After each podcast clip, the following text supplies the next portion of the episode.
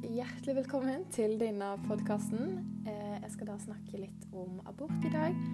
Eh, og da har jeg delt eh, egentlig denne podkasten inn i tre deler, så det er litt lettere å følge med. Så del én blir om den etiske problemstillinga, kvinners rett til å bestemme over egen kropp, eller fosterets rett til liv. Og så på del to tenkte jeg egentlig snakke litt om verden og den politiske utviklinga vi har hatt der. Litt sånn rundt om. Eh, og til slutt en liten avslutning med konklusjoner og refleksjoner rundt akkurat disse temaene. Så da er det bare å henge med.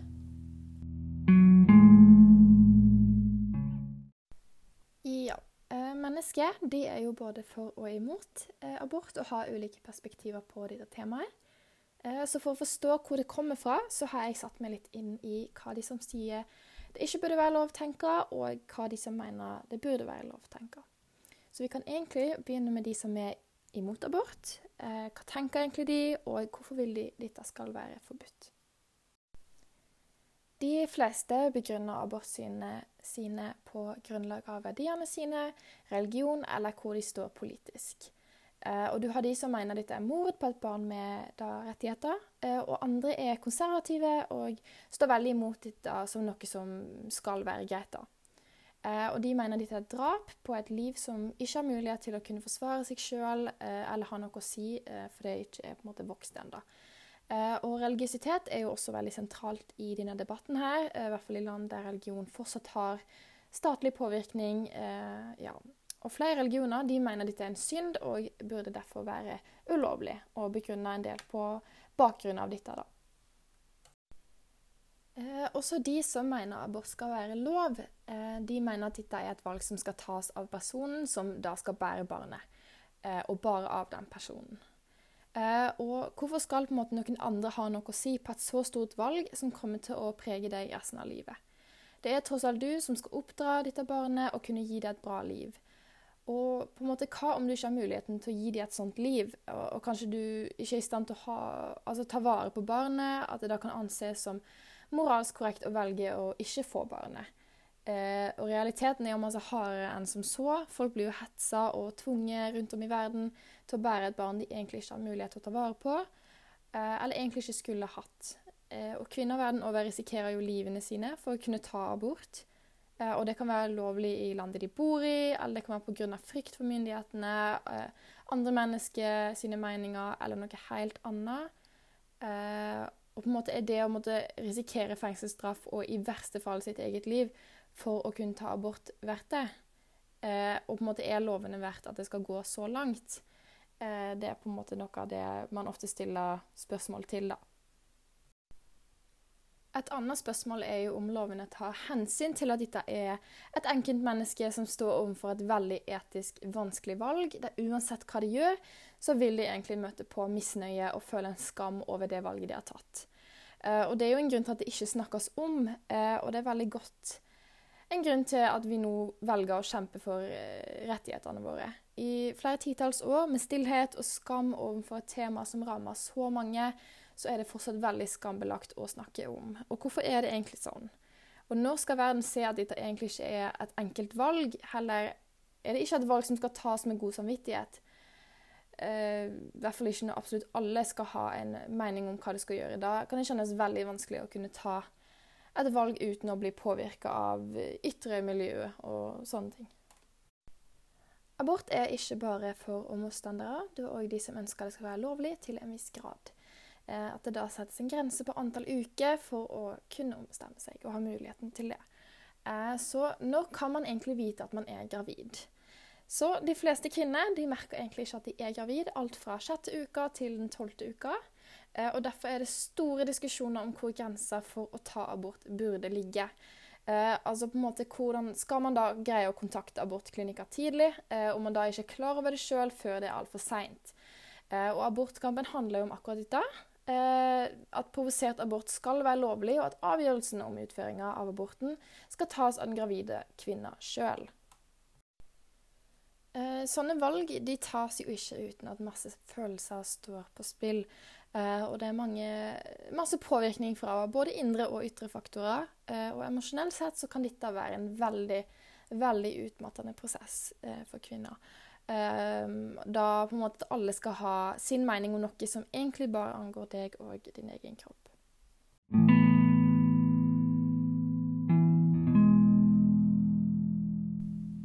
Vi er nå i del to av denne podkasten, som da handler om den politiske utviklinga og hva som skjer litt rundt om i verden.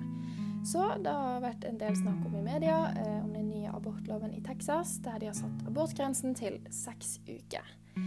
Eh, fordi det er da hjertet til fosteret begynner å slå, og etter dette så vil de anse dette som et menneske. Eh, selv om kroppen ikke er ferdig bygd og fosteret ikke har utvikla seg til noe mer enn en klump, egentlig. Eh, og her sies det faktisk at det er mord etter seks uker, og andre mener at det ikke er mord i det hele tatt. Og det er jo selvfølgelig en veldig vanskelig situasjon, som sagt, som har blitt prega av flere år med beinharde akkusasjoner til myndighetene og følelsesladde protester, selvfølgelig. Eh, på en måte Der ingen fortjener å bli skjelt ut og hetsa for et valg som kun angår seg sjøl.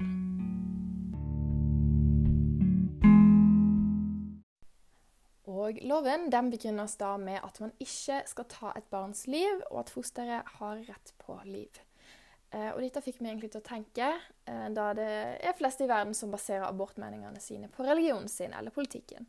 Så jeg sjekka religiøsiteten i akkurat Texas, da, eh, og i 2010 så var det ca. 15 millioner kristne. Av da 27,4 millioner innbyggere. Og så var 56% av alle innbyggerne da tilhengere av en religion og en religiøs gruppe. Så det er nok en del religionsbegrunna og blanda med på en måte verdiene med fosterenes rett til liv, da, som har gjort denne loven så sterk. på en måte.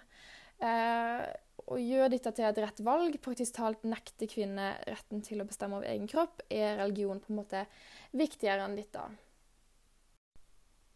Din kropp, ditt valg er en kjent setning som ropes under protester verden over, på utallig mange språk. Kvinners livmor har blitt en statlig eiendel, ble ropt i Polens gate, der kvinner kjemper for retten til å bestemme over egen kropp. En kvinne sa på et intervju kvinners liv har nå blitt et helvete. Og det taler for så mange i en lik og sårbar situasjon. Og jeg refererer selvfølgelig til Polens lov, der abort ble helt ulovlig, uansett om kvinners liv er i fare. Selv når fosteret til og med har for store skader til å kunne overleve, skal graviditeten fullføres. Eh, mora hun tvinges da til å føde et barn som enten allerede er dødt, eller kommer til å dø en smertefull død rett etter fødselen. Og dette er jo helt sjukt. Her har kvinner nå ingen kontroll over egen kropp, og frivillig, egentlig. Eh, og det har også blitt kriminelt å kunne gi råd om plasser om å ta abort, og i det hele tatt hjelpe noen som trenger det. Og I Polen så er det annerledes enn i f.eks. Texas, der det handler mest om religion. I Polen har det handla veldig masse om politisk maktspill, der de konservative har kommer seirende ut av eh, dette. da. Ved illegalisering så blir det farligere å gjennomføre dette. Det setter både kvinnens helse og barnet i fare. Eh, og mange må flykte til utlandet for å få den hjelpa de trenger. Og når man først har tenkt å gjennomføre det, så burde det skje på en klinisk trygg måte. Eh, at det da kan kunne gå for seg trygt. Det er på en måte en sikkerhet òg. Og det er med på å skape en trygghet blant kvinner som allerede er i en veldig sårbar situasjon. Slike lover gjør at tilbudene man da har for å ta abort, minkes, og vil gjøre det til en tyngre og vanskeligere prosess. Eh, og Ved en sånn lov så vil det bli vanskeligere å kunne drive eh, og samt tilby denne hjelpen for kvinner. Tilbudene vil da stoppe å være der, og føre til at færre velger å være med på å opprettholde at disse tilbudene finnes. Eh, og nå har det jo i tillegg blitt en gullgruve å kunne saksøke de som da velger å ta abort, og i den forstand også kunne tjene penger på at de trenger hjelp. Og dette skaper ikke bare redsel blant kvinnene, men òg blant de som er der for å tilby akkurat denne hjelpen. Så det skaper en stor frykt blant folket, da.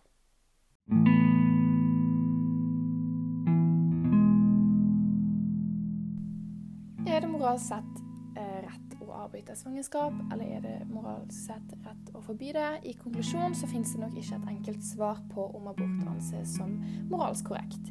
Eh, og det avhenger mer av hvilken person eller hvilken gruppe mennesker du spør. Eh, folk vil komme med ulike svar, og de vil komme med ulike begrunnelser for hvorfor det er gale, eller hvorfor det er riktig. Men realiteten er at det ikke er så enkelt som et ja-nei-svar å komme med, eh, og det er dessverre ikke så svart-hvitt som man kanskje skal ha det til. Og det ligger jo masse bak å ta et sånt valg. eh, og da konsekvensene som medfølger. Eh, men kvinner burde ha retten til å bestemme over egen kropp uten at dette skal skambelegges i det hele tatt.